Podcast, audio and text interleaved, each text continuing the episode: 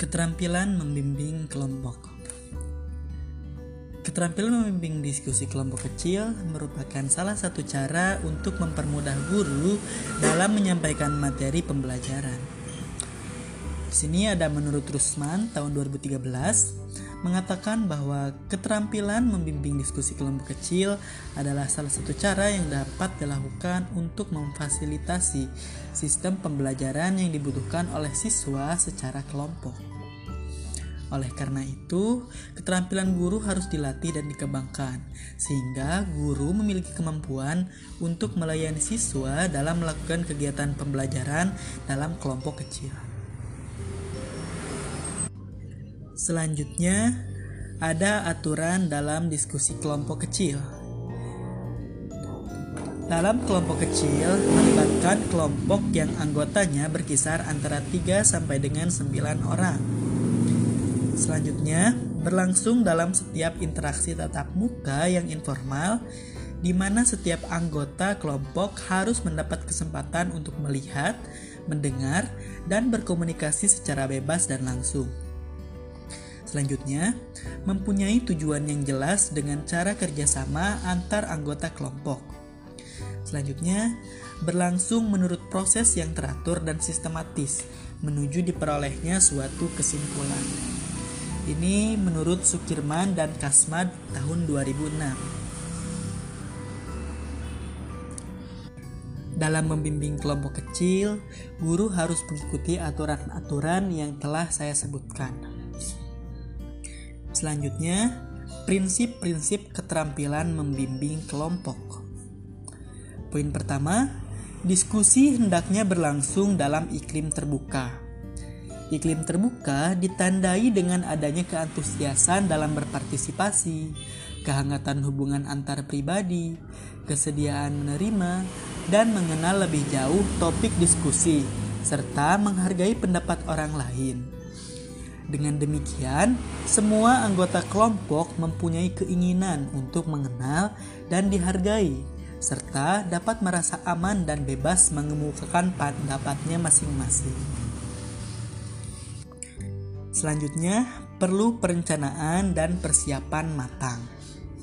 Dalam melakukan diskusi kelompok, guru perlu merencanakan dan mempersiapkan tentang bagaimana diskusi kelompok tersebut akan berlangsung secara matang.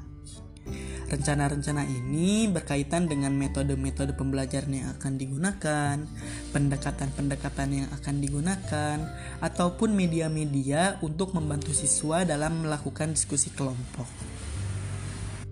Selanjutnya, topik yang dipilih hendaknya sesuai dengan tujuan yang akan dicapai minat, dan kemampuan siswa.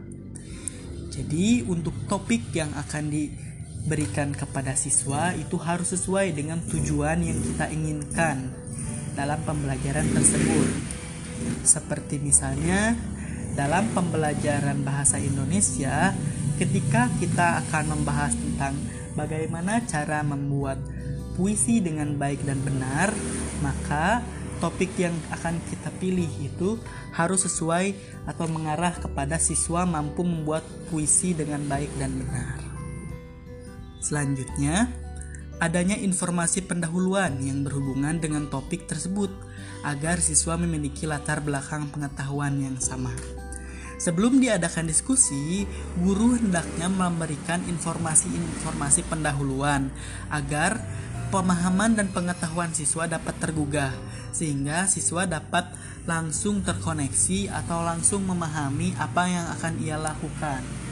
Seperti contoh tadi, dalam membuat puisi kita harus memberikan informasi-informasi terlebih dahulu tentang apa itu puisi, tentang bagaimana puisi dapat terbentuk, sejarah-sejarahnya, dan lain sebagainya. Yang terakhir, guru harus benar-benar siap dengan sumber informasi sebagai motivator sehingga mampu memberikan penjelasan dan mengerjakan pertanyaan-pertanyaan yang dapat memotivasi siswa.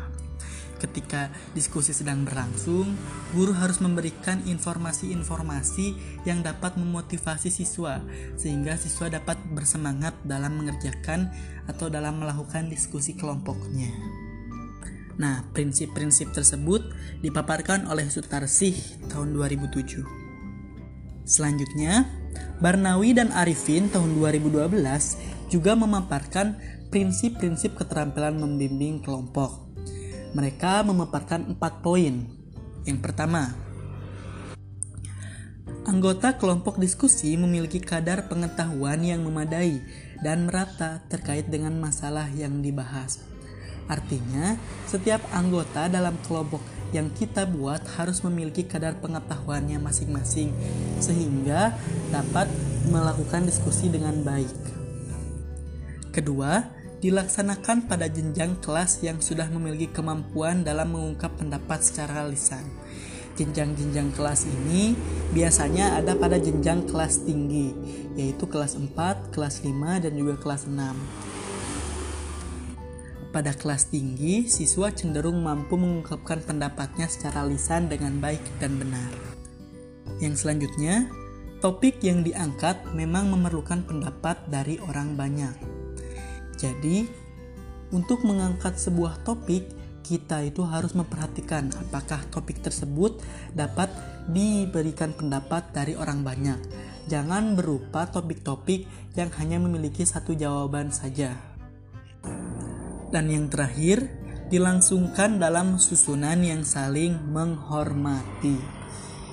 Jadi, dalam diskusi kelompok ini harus terjadinya saling menghormati antar siswa, antar anggota kelompok, sehingga diskusi yang berlangsung dapat terjadi secara kondusif tanpa adanya perpecahan atau mungkin debat-debat yang tidak diperlukan.